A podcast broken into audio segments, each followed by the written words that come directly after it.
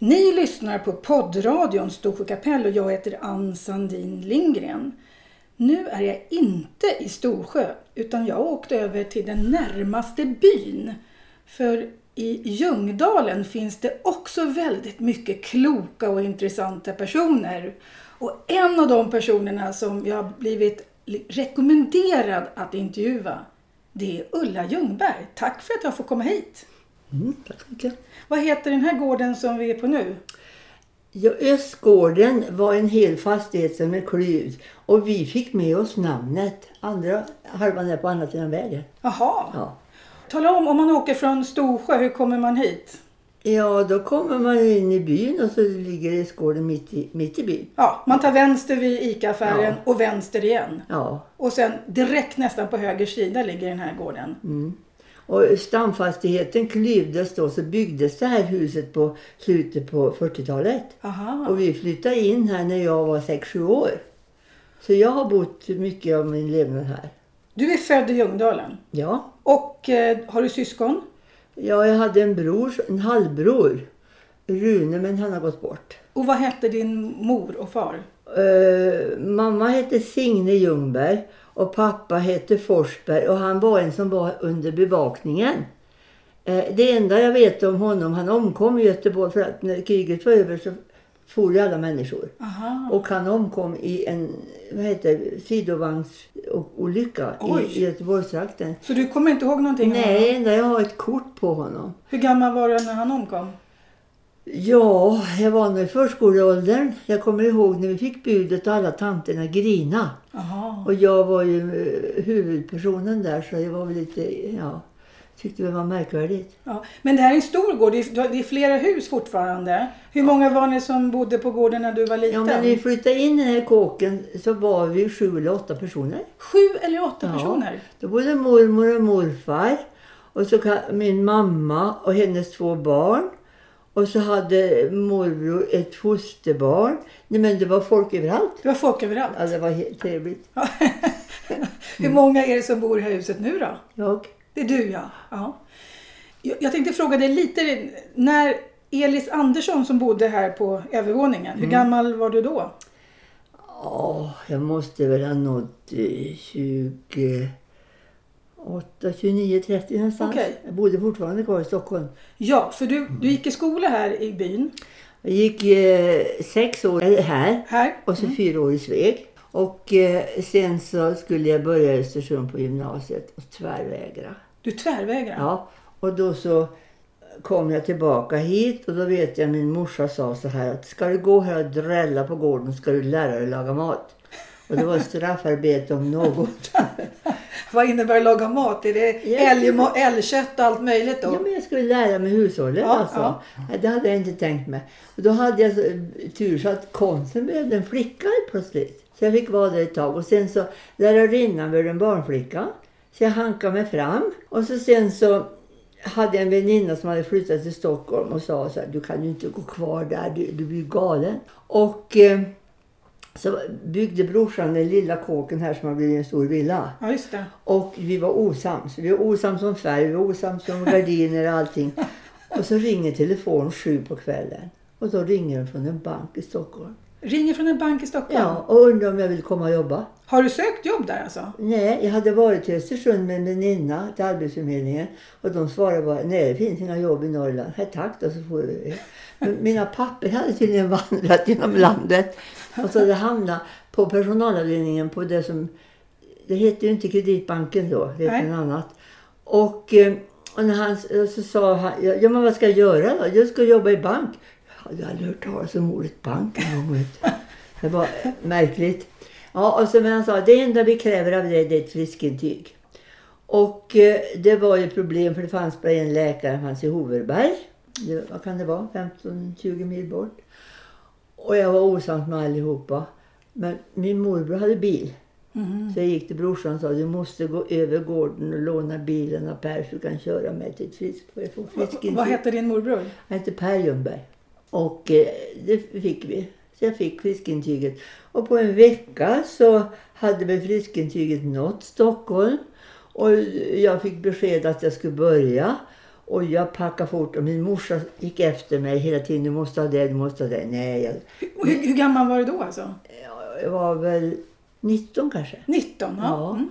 På Och- väg ut i livet? Ja, och ehm, för jag skulle hem till sommar. Mm. Det var helt klart i huvudet.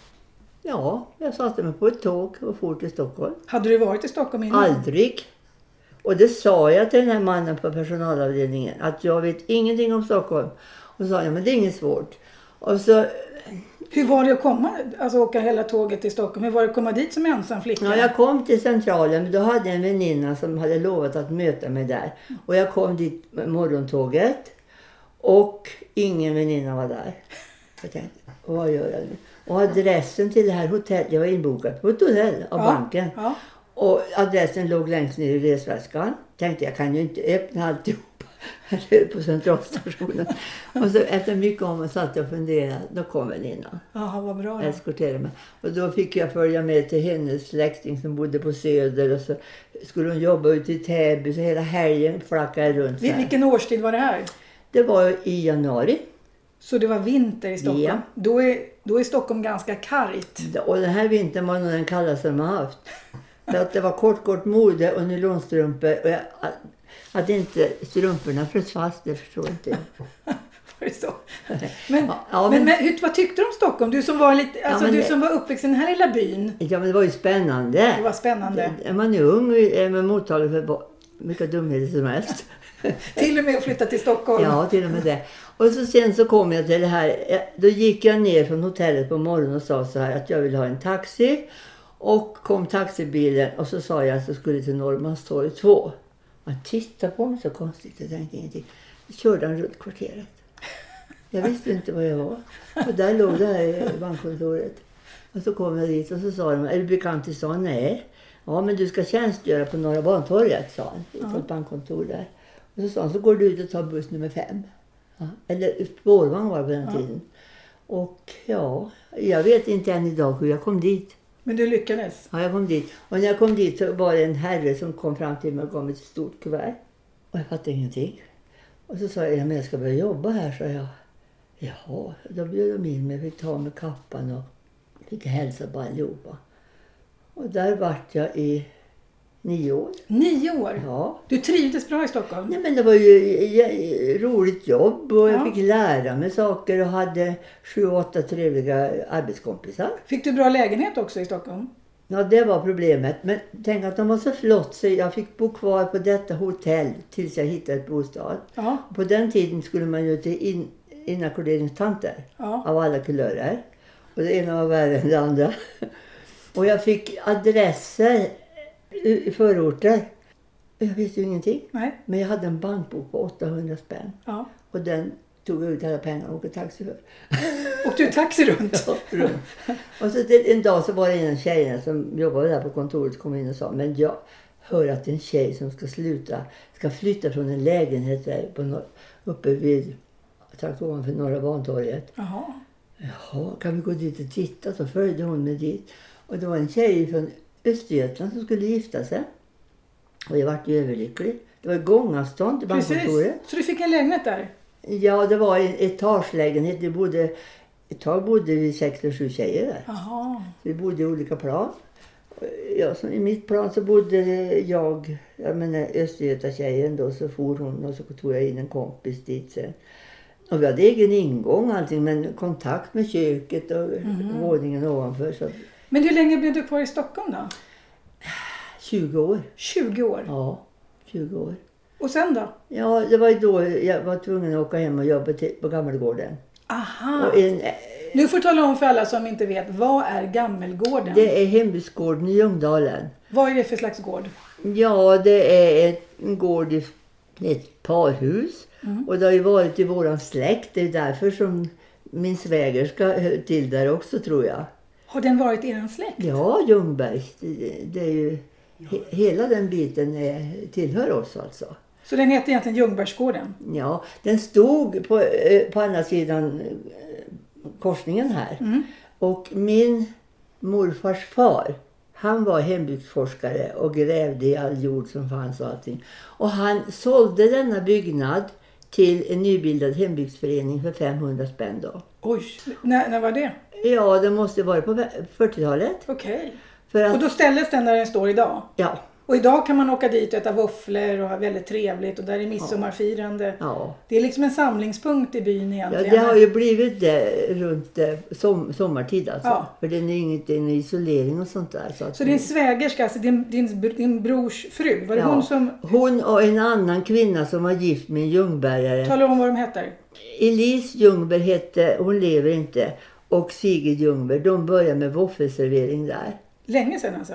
Ja, det måste ju vara i början ja, på 60, början på 60-talet. Jaha. Jag bodde i Stockholm. Men jag kom aldrig på att gå dit och fika när jag var hemma heller. Nej. Utan, ja, vi hade en fäbodvall sju kilometer upp. Ja. Och dit flyttade jag direkt och vistas på min semester. Vad heter den fäbodvallen? Ja, Skärkdalen i Jaha, byn. Där. okej. För mormor var bördig från den huset där. Okej. Och hon accepterade inte att ta över fäbodvallen som den här familjen hade. Nähä. Jag gillade inte det tror jag. Du kom hit en sommar och din svägerska ville att du skulle hjälpa till Ja. på Gammelgården. Och så vart det väldigt trevligt att jobba på Gammelgården. Ja. Dit kom ju alla och där sur- surrar man. Ja. Och, och, Trevligare än banken i Stockholm. Ja, det vart ju det.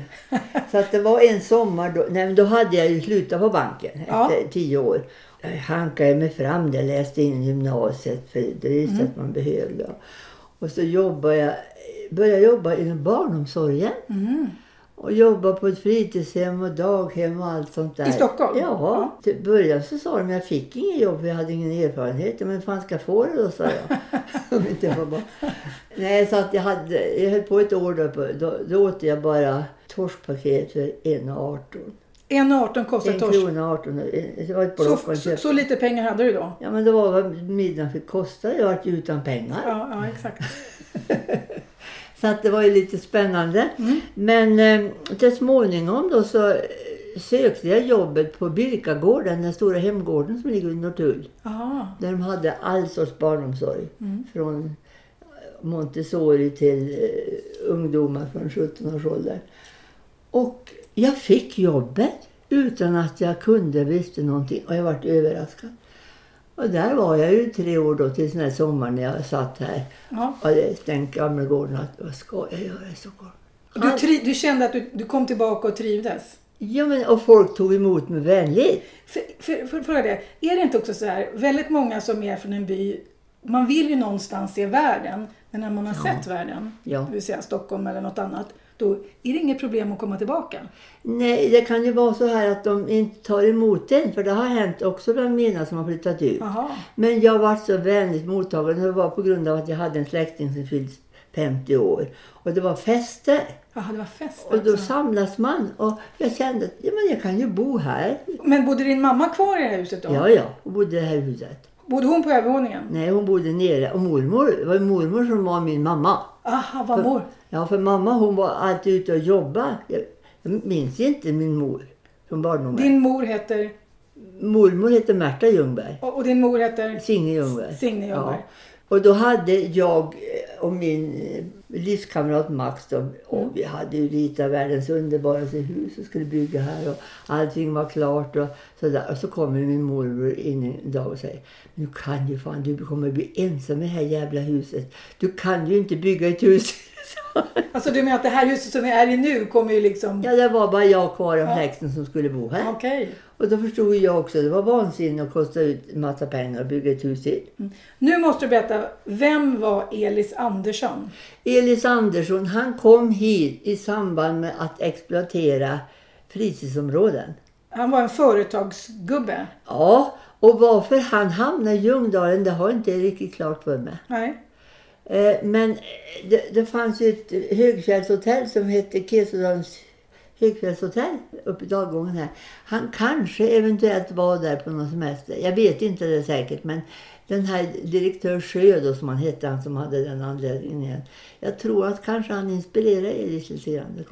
Hur var det då? Då fanns det inte de här stug eller fritidshusen? Nej, det fanns ingenting sånt. Jo, det fanns uppstyckade tomter lite här och där ute i skogen. För då var det inte alls lika mycket turister i Nej, Ljungdalen. nej, nej. Vad levde man på på Ljungdalen Ja, men det liten? märkliga är förstår du att jag, jag hade ju sommarjobb här så jag jobbade ju på jag hette Åsens fjällgård och det var Lidbergsgården och det var Helax Ja. pensionat. Man hade sommarjobb när man var snorunge. Och turister hade börjat komma hit redan på 1800-talet. Var det Helax och fjällvandring och sånt som Det drog? var Helaxfjället som lockade allihopa. Med Det var här- Ja, det var det. För att eh, de första eh, bilderna som jag har sett det var ju studenter som hade studentmäster. Jaha. Som var ju, de var ju Vill ut och bli friska män som skulle ut i Ja. naturen. och, och lära sig mera fast de kunde allt. Mm.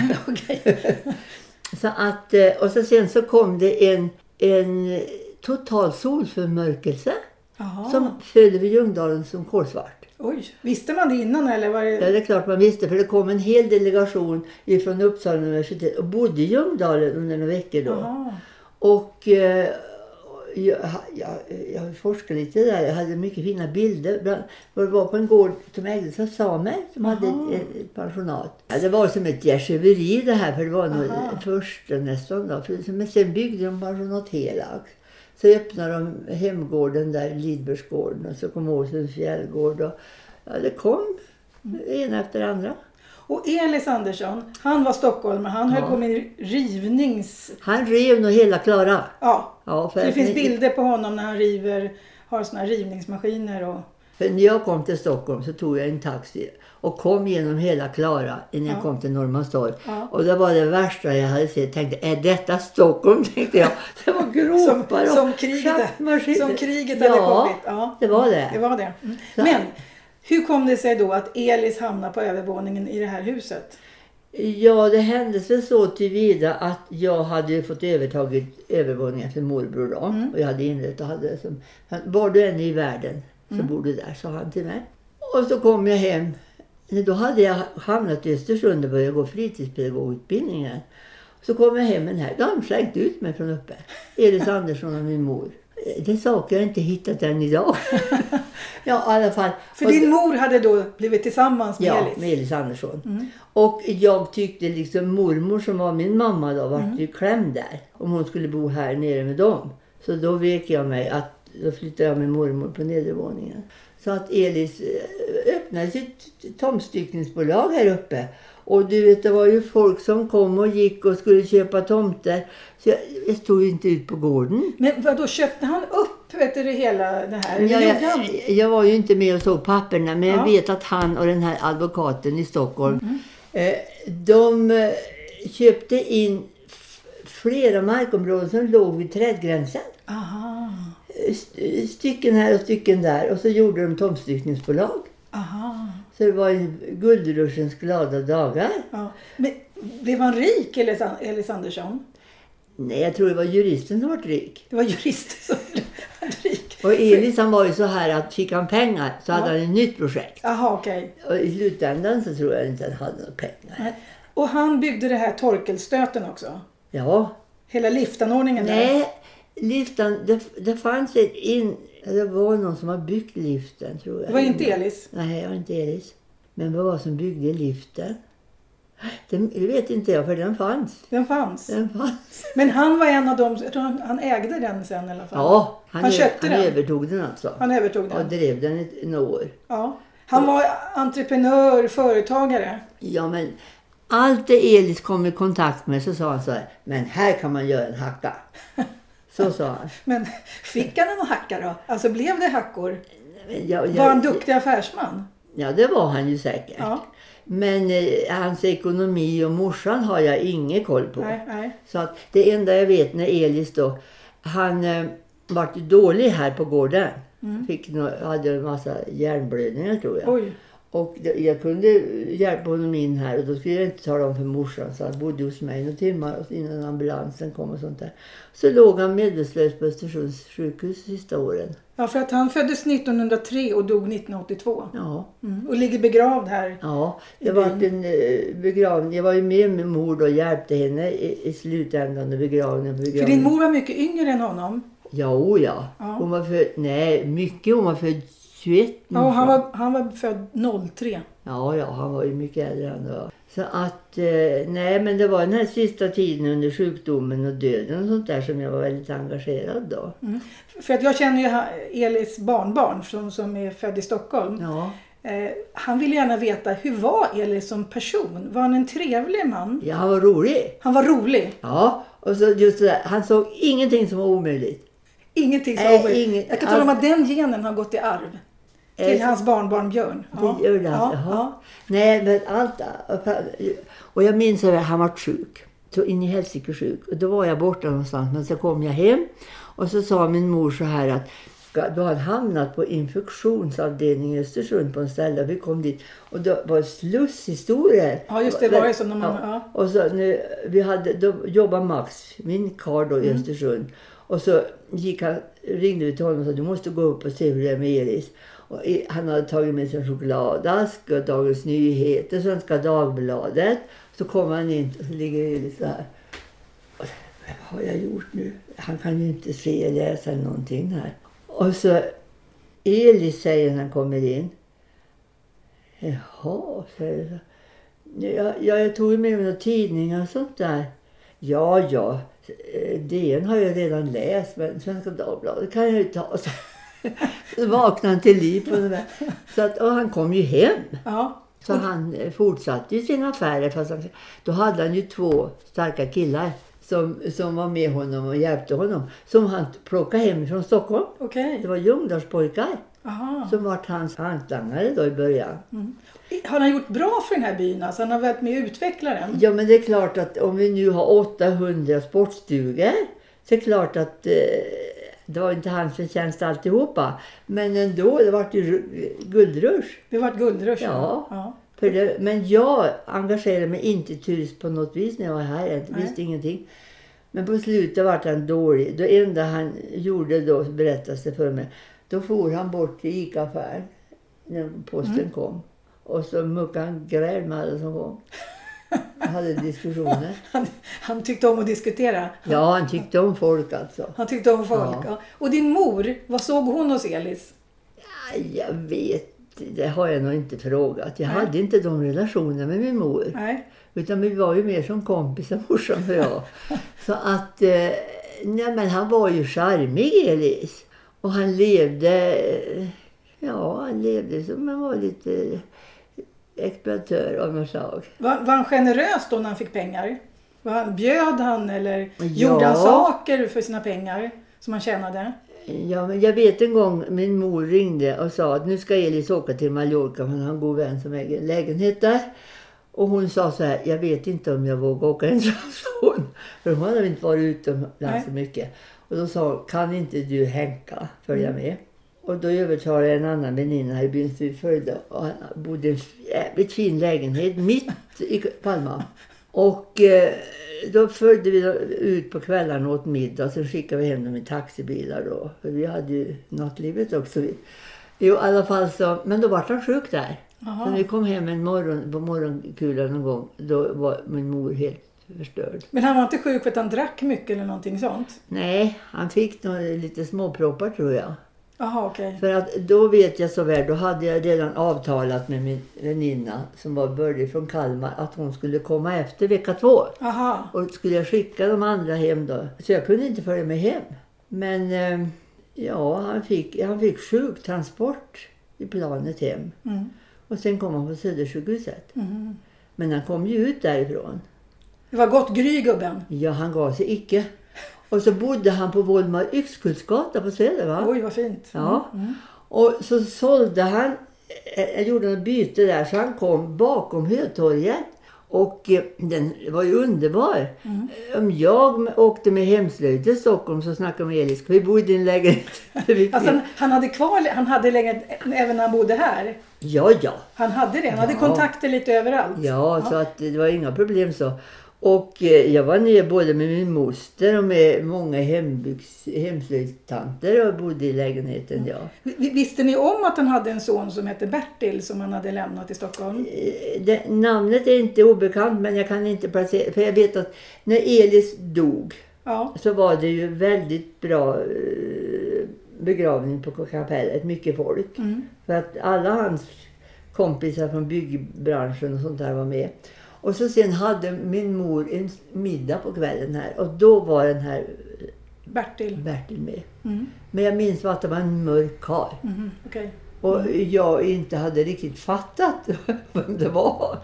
Okej. För jag själv var ju en sån, jag hade ju nyss startat hemslöjden. Ja. För det, det, det, nu måste vi berätta, för att nu, nu räcker det med Elis här och orsaken att jag berättar det här för att hans sonson vill gärna veta lite om Elis och jag tycker du är väldigt duktig på att berätta. När du sen hamnade här på Gammelgården och började med hemslöjden, Ja. kunde du sånt från början då med hemslöjd och Nej, nej, nej. Men jag kun- kunde ju allt som hade med och, och och jag kunde alla tanter. Jag hade möten och det skulle vara ett kooperation och, och allt sånt där. Ja. Jag kunde ju sånt så att eh, vi ägde ju hemslöjden och vi uppvaktade kommun och Men länsstyrelse. slöjdar du själv också? Nej, det lärde jag mig sen. Jaha, du gjorde det? Ja. Jag kunde ju sticka och sy sen barnsben naturligtvis. Men, så att vi fick, eh, ja vi vart uppbackade. Vi snack, Lena Linderholm och jag snackade kul kommungubbar. Just det, Och- Lena Linderholm är en jätteviktig människa. Hon var ett marknadsnamn. Ja, men hon men var, just- var ingen affärsman. Nej, Nej. okej. Och Gösta Linderholm, Ja, han var ju inte med i det här då. men han, de, de hade- hade stuga här? de hade köpt eh, i Skärkdalen ett hus då. Ja, just det. De, de var ju rikskändisar. Ja, Gösta var ju... Ja, och även Lena tror jag som ställde ut fina Ja, fast konstverk. det var Gösta som började sjunga in i Sverige på något vis. Jaha, okej. Bolla in en boll, vad heter det? Som Så att, tack vare Lena så har liksom. Ja, det var ju marknadsmässigt. Och sen kommungubbarna, Mm. de hade ju aldrig underhållit eller gjort en affär med kärringar. Så att de sa ju ja samma vad vi begärde. Mm. Eh, Nej, så att vi hade väldigt trevligt. Och i hemslöjden vet du, vi, vi fick ju in, jag tror vi hade medlemmar på 160 medlemmar, både Mm. i Ljungdalen och Utsocknes. Och vi gjorde resor vi for runt hela Sverige. Vi fick, Svensk hemslöjd bjöd in oss på en stor utställning på. Sveavägen. Hade ni en speciell, hade ni någon speciell sak som ni gjorde som var annorlunda? Jag drev igenom pengar så jag gick i varenda gård i Storsjö och Ljungdalen och fotade alla gamla textiler. Aha, Och så tog vi upp det. okej. Det med rotslöjd till exempel. som Ja, Britt Hallgren. Ja, Britt Hallgren. Ja. Var hon också med? Ja, ja. Hon var För det är ju med. fantastiska Ja, ja. tavlor, som, eller ja, korgar och allt möjligt. Hon som var ju suverän hantverkare Ja. alltså. Så hon var med också? Ja, ja. Mm. Hur, har- hur har liksom sa, samarbetet med Storsjö varit? För det här är två byar som både älskar och ibland Hatar lite... varandra. Ja, hatar varandra lite grann. Nej, jag har ju inte varit med om det här. Men jag vet ju att Ljungdalen hade startat en idrottsförening som var väldigt aktiv. Mm. Och så hade vi stora fester. Flathusspelen. Det vi hade uppe på tusenmetersplatån där. Och då vet jag att Storsjöborna var lite avundsjuka på oss. Mm. Så de kom ju ofta och var lite otrevliga på föreningshuset. Och eh, så här spotta på golvet och sånt där. Och så sa de andra, men låt dem känna sig hemma. Låt dem spotta. så det var ju lite sådana. Men det var Ja. den här äldre generationen där. Vi Ja. hade. Ja, för ni har gått i skolan ganska mycket tillsammans va? Ja, det vart ju sammanslagningar. Sammanslagningar. Mm, så jag var nog med om sammanslagningar i två år. På femman och sexan tror jag. har det. Mm. För i, i Storsjö har ju människor jobbat väldigt mycket i skogen, skogsarbete. Och här har man varit lite mer entreprenörer va? Ja, och här, I Storsjö var ju, drabbas jag av baggböleriet. Vad sa du? Baggböleriet. Vad är det någonting? Ja men det var de köpte in skogen. Ja, när de lurar folk, av, Ja. lurar skogen av folk. Och de sålde alla sina marker utom Tycolo. Ja. Han, den familjen. Och här gick de till Kungs. Jaha, Ljungdalsborna gick Ja, till Kungs och vägrade Det har sälja? berättats för mig. Att, och så fick vi igång ett storskifte. Okej. Och då kom det en lantmätare hit som var i tre, fyra år och delade upp all den här marken på invånarna. Och då vart det 15, 15 stamfastigheter tror jag Ljungdalen är uppdelad i. Och så är det än idag. Mhm. Så att eh, på så vis. Och så hade man då på ett ställe som låg söder om här uppe i fjälltrakterna en fäbodvall där alla 15 fastigheter var på somrarna. Och, men storskiftet och klöv alltihopa. Mm. Och min morfars far var med lantmätaren. Så han fick fäbodvallen. Sägs det idag då att det var mygel. Det vet ju inte jag. Jag levde inte. Nej. Så att, eh, och den fäbodvallen äger jag idag. Jaha, kul. Men då har Naturvårdsverket lagt, eller, lagt vantarna på den därför att eh, de har hittat en massa fångstgropar där. Så att det är värdelös mark men det är min. Men hur tycker du att relationen mellan Storsjö och Ljungdalen, för ni har ju, det är ju Storsjö socken allting heter. Ja. Ni hör ihop. Ja, men, och vi, ni hem, vi i hemslöjden gjorde aldrig någon skillnad. Det var, det var kvinnor, Storsjö, Ljungdalen, hur som helst. Men då var det några som ville bryta sig ut och göra en egen hemslöjdsförening. Och då hade vi ett stort brandmöte på en lokal i Storsjö. Där jag försökte, då var jag ordförande för hembygdsföreningen, eller hemslöjden. Att det var ju inte riktigt slut att vi skulle dela upp det lilla vi var. Så att eh, då var det några damer i Storsjö som också förstod samma sak. Så Ja. att vi var, Kloka kvinnor. ja, var kloka Det är alltid kloka kvinnor Ja, det var bakom de. alla dessa män. ja, hemslöjden gjorde ju allt roligt som fanns. Ja. Så, du, så när du, du, du som 19-åring flyttar till Stockholm och så 10 år senare då flyttar du tillbaka? Nej, 20. 20 år senare? Ja, 20 senare. Då var det alltså, jag kan inte räkna, 39? Ja, men jag, jag, bara, men jag var hemma när jag var 35 år. 35, ja, då flyttar du tillbaka i din bästa ålder. Och Ja, sen har du varit kvar här? Ja, så hade jag ju med mig alla kunskaper som gick att ha med mig. Ja. För jag hade ju jobbat i, jag hade ju suttit på fondbörsen. Jag visste allt om ekonomi och pengar. att, Och du ångrar inte vet det, att du flyttar tillbaka till Ljungdalen? tvärtom. Tvärtom? ja, ja. För att Stockholm är ju inte Stockholm. Nej, Nej. Mm. Så att det såg jag. Jag var ju på besök några gånger och upptäckte att nu är jag klar med det nu är klart. här. 60-talets Stockholm var ju fin. Det var trevligt. Men fortsätter nu Gammelgården, det är dina släktingar som fortfarande, Anna är också släkting till dig. Ja. Hon är Eh, vad är hon? Brorsdotter? brorsdotter. Ja. Så hon fortsätter att hålla i det. Ja, för Sigrid då som var gift med min bror. Eh, så plötsligt då, då, då hade vi eh, hemslöjden full rulle. Men jag kunde ta två månader och vara på, fortfarande på Gammelgården. Men sen vart det för körigt. Då fick jag ta hand om turistbyrån.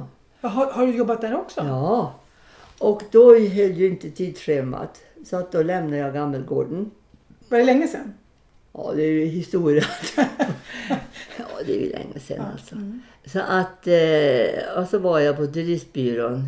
Och det var, jag hade ju så, det fanns ju ingenting. Det fanns ju inte organisation, inte ekonomi, ingenting där. Jag vet inte varför de hade turistbyrå. Nej.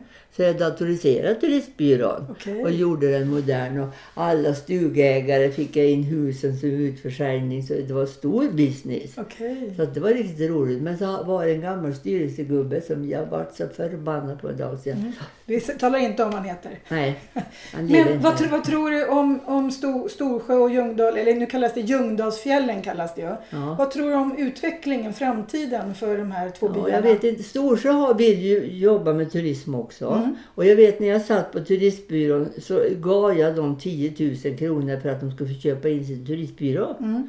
De hade ju sån en sommar eller två.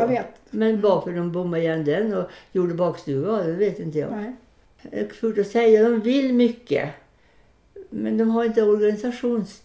Här hade man jobbat med turism länge. Ja, sen väldigt långt tillbaka va? Ja, sen i slutet på 18 började springa turister 1800-talet, här. precis. Ja. Över 100 år har man jobbat Ja. med turism här. Och de här familjerna som drev ho- hotellen och, och pensionaten här. Men de hade ju lärt sig massa Mm. saker. Går det fortfarande bra i Ljungdalen? Nej, inte lika mycket. Det var guldruschen som på Elis Anderssons tid. Det var då det gick som bäst. Ja, eller? det började ju redan på 50-talet när jag var snorunge. Det var turister här som åkte skidor och det rymdes inte turister. De bodde i alla bondgårdar. Ja, just det. Man hyrde ut rum till Ja. dem va? Mm. För jag vet en gång det var en dam som skulle bo uppe på här och det var bäddat så fint förstår du i röda täcken och det var broderade lakan och så kom inte tanten och så var jag kan jag inte få kliva ner i sängen och sova där i natt och det var så fint det var sån här sträckbäddning på den tiden. Just det, Så jag jag vet. kröp ner Jag vet. och när jag vaknade på morgonen såg det likadant ut. Jag vet. Så hade min farmor också. ja, ja.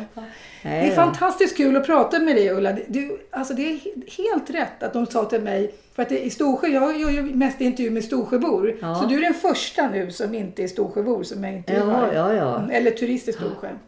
Nej, men, eh, Finns det fler intressanta personer i den här byn som jag ska intervjua? det är inte så många som... Det är min kusin Arvid då. Så Ja, Arvid. Getkillen. Ja, vad heter Arvid? Björeland. Arvid Björk. Han brukar hålla lite... I, Ja, han brukar off- vara offentlig. Han har ju haft eh, folk eh, i sommar. ja, precis. Gått sett. runt med, med getterna och... Nej, så han är... Och han, Duktig att berätta. Ja. Och han har varit på Gammelgården. Vi har...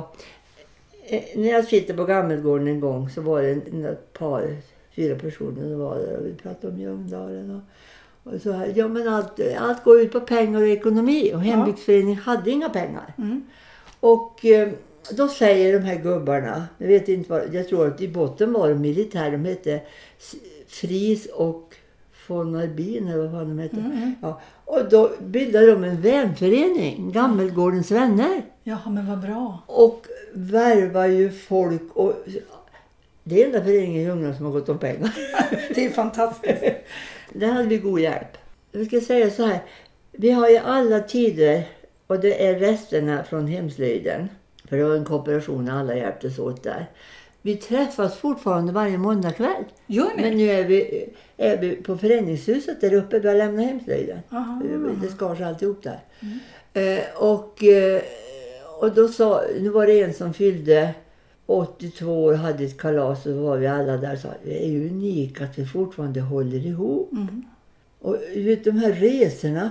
Vi, ja, men vi, har varit överallt alltså. Ja, vi, vi var i Österrike, vi var i Italien, vi var i Paris. Vi, vi, vi flackade runt överallt alltså. Vad roligt. Ja, Men det är klart, det räckte ju inte med damer. Vi var ju tvungna att värva damer från alla stugägare och sånt där också. Så att vi hade ju trevliga saker. För. Är, är, är det bra sammanhållning även med stugägarna? För många stugägare som, som har stugor här, jag känner några stycken, de, Ljungdalen och Storsjö, eller framförallt Ljungdalen som man, man stugor i, de vill ju bli begravda här i, Storsjö, eller i Ljungdalen. Ja, det har ju börjat så. Halva De- kyrkogården är avsatt för dem. det, därför här känner de, liksom det, här, Ja. det är här de tankar energi, det här är deras paradis. Jag vet många äldre högre militärer, de är borta, nästan alla de här är borta idag. Eh, de, de, ja men herregud, de har ju, de har ju flyttat hela tiden. Fått order hit och dit. De har inga rötter. Nej, så det här är deras rötter där de Ja. har sin fritidsstuga. Oh ja, eh, nu tror jag inte det finns någon alla... Jag ser ju DN, jag läser fortfarande DN ja, med förtroendeglas. och eh, så att jag, jag ser ju dödsannonserna. Ja. De är borta snart allihopa som jag har varit med om. Och, och då när jag jobbade på turistbyrån så hade man ju mycket med dem att göra. Och det här alla områden som heter Alen och Grenen och Harren och allt vad de heter. Jag kunde ju inte ett enda sånt. Och, och så lustigt jag fick jag lära mig alltihopa det där. Men med min hjärnskada så har de försvunnit. Fast du är duktig att berätta. Du kan väldigt mycket om din barndom. Sånt kommer du ihåg. Du kommer Ja. ihåg väldigt mycket av Ja. historien. Sen är det ju så här, det här livet som är idag. eh, Nästa generation här har inte samma sammanhållning. Annars generation till exempel. Mm. Hon säger ju det, vad roligt ni hade. Ja. Vi hade jäkligt roligt jämt. Mm. Och hennes generation och ungdomar, de, ja, men de har träffats knappt. Nej, man, träffas, man träffas över datorer. Ja, kanske. Om de nu gör det. Mm. Är du med i Facebook? Nej, du vet min syn. Ja. Jag har ju fått alla apparater men eh, så tänkte jag så här att för att kämpa och kämpa och kämpa med detta som jag hållit på med då en stor del av mitt liv. Jag kanske klarar mig utan det. Och så ringde jag till Östersund till en synskadades förening och skickade hit en gubbe. Och så säger han så direkt. Ja men jag får ju inte hjälpa dig med några säkerhetsgrejer eller någonting för det. Det är ju hemligt där. Så gick han. Så jag, vart, jag, jag kom ju inte in på internet heller. Nej, nej, okej. Fast nu har jag bestämt att jag ska, de ska koppla in bredbandet när det blir. Ja, vad bra. Så får vi se om jag kommer få en ny eh, användning. Vad trevligt. Jag får tacka dig Ulla Ljungberg och jag ska intervjua din så kusin, heter han, Arvid. Arvid också. Så, får vi, så får Storsjöborna även lyssna på program från Ljungdalen. Ja. Det är bra va? Ja. Man säger så här, Storsjö är ju kyrkbyn Ja. och har haft våldsamt med folk och haft historien. Ljungdalen var ju liksom den här torparavdelningen. Och idag såg jag in en förteckning att vi var 100 var vi 180 personer i Ljungdalen och i Storsjön bara 80. Ja, Så att det har ju liksom skiftat. det har skiftat. Men nu, Och med alla turister så är ni väldigt många här på sommaren. ja, oh ja, och i år speciellt. Fantastiskt. Jag tror ingen har åkt utomlands i år. Nej. Du vet att du kan, jag har ju aldrig lärt mig vad man kan handla utan smärta där borta. Ja, Men i år dygnet runt. Ja, Alldeles svart i affären. ja, det är alldeles svart i alla Och det är ju stugägarunderlaget där. Ja. Mm. Men det är klart det är roligt. Fast jag, jag har ju tappat kontakten med de här barn och barnbarn Ja. till de här som jag lärde känna. Mm. Men alla känner dig. Kan, nej, inte. jag är ju inte ute offentligt. Men alla äldre känner dig. Alla äldre känner nog igen mig om det finns Ja. några kvar också. Ja. Så att, nej, men jag är ju bara åskådare idag. Titta på. Och så gå på affären. Jag träffar ju alltid folk. Ja, Eh, som, eh, ja, det var en kvinna från Danmark här som pratade jättelänge med mig häromdagen. Och det är alltid någon som kommer och ropar Hej Ulla! ja, för du har haft ett socialt jobb. Så Ja. du, du har ju... Och så när jag var på turistbyrån var ju offentlig också. Ja, trevligt. eh, och hemslöjden likadant. Och hemslöjden, där hade vi så mycket gemenskap med, med eh, haffade ju varenda dam från stugorna. Ju slöjdare. Allihopa. Allihop. Tack så hemskt mycket Jo. att jag fick komma hit. Nu tycker jag vi avslutar här för att jag fattar att jag kan prata med dig tre timmar till men vi måste ha ett lagom långt program. Ni har alltså lyssnat på poddradion Storkapell och jag heter Ann Sandin Lindgren. Tipsa mig gärna om fler sådana här intressanta personer som jag kan intervjua.